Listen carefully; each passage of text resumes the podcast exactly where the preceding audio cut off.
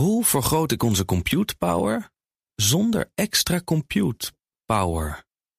Lenklen, Hitachi Virtual Storage Partner.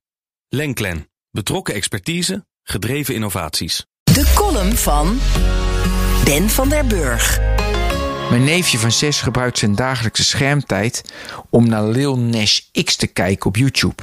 Ik leef in een andere bubbel en had nog nooit van deze artiest gehoord. Ik herkende echter het liedje Old Town Road. Take my horse to the old town road. I'm gonna ride Waarna ik me vooral afvroeg, hoe heeft dat nummer mij ooit kunnen bereiken? Vorige maand bracht Lil Nas X het nummer That's What I Want uit. Mijn neefje geniet met volle teugen van de clip en zingt hardop mee. In de clip zie je een American voetbalspeler die verliefd wordt. De mannen zoenen innig en verdwijnen met Durex in beeld onder de douche. Mijn neefje keek daarvan op.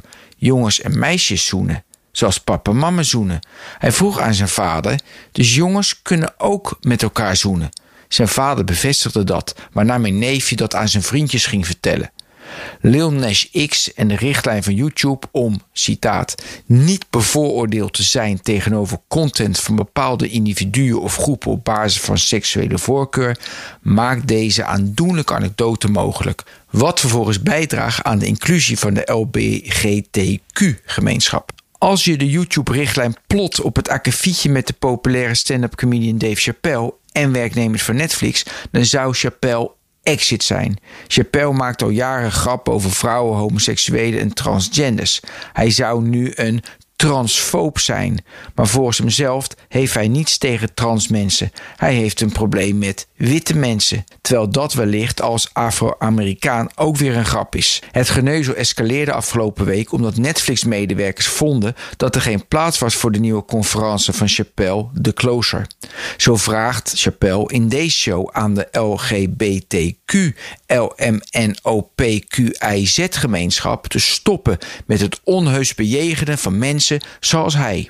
Netflix-medewerkers organiseerden een werkonderbreking. Een werknemer werd ontslagen en directielid verklaarde dat Netflix de grens trekt bij programma's die aanzetten tot haat of geweld. Excuses werden aangeboden.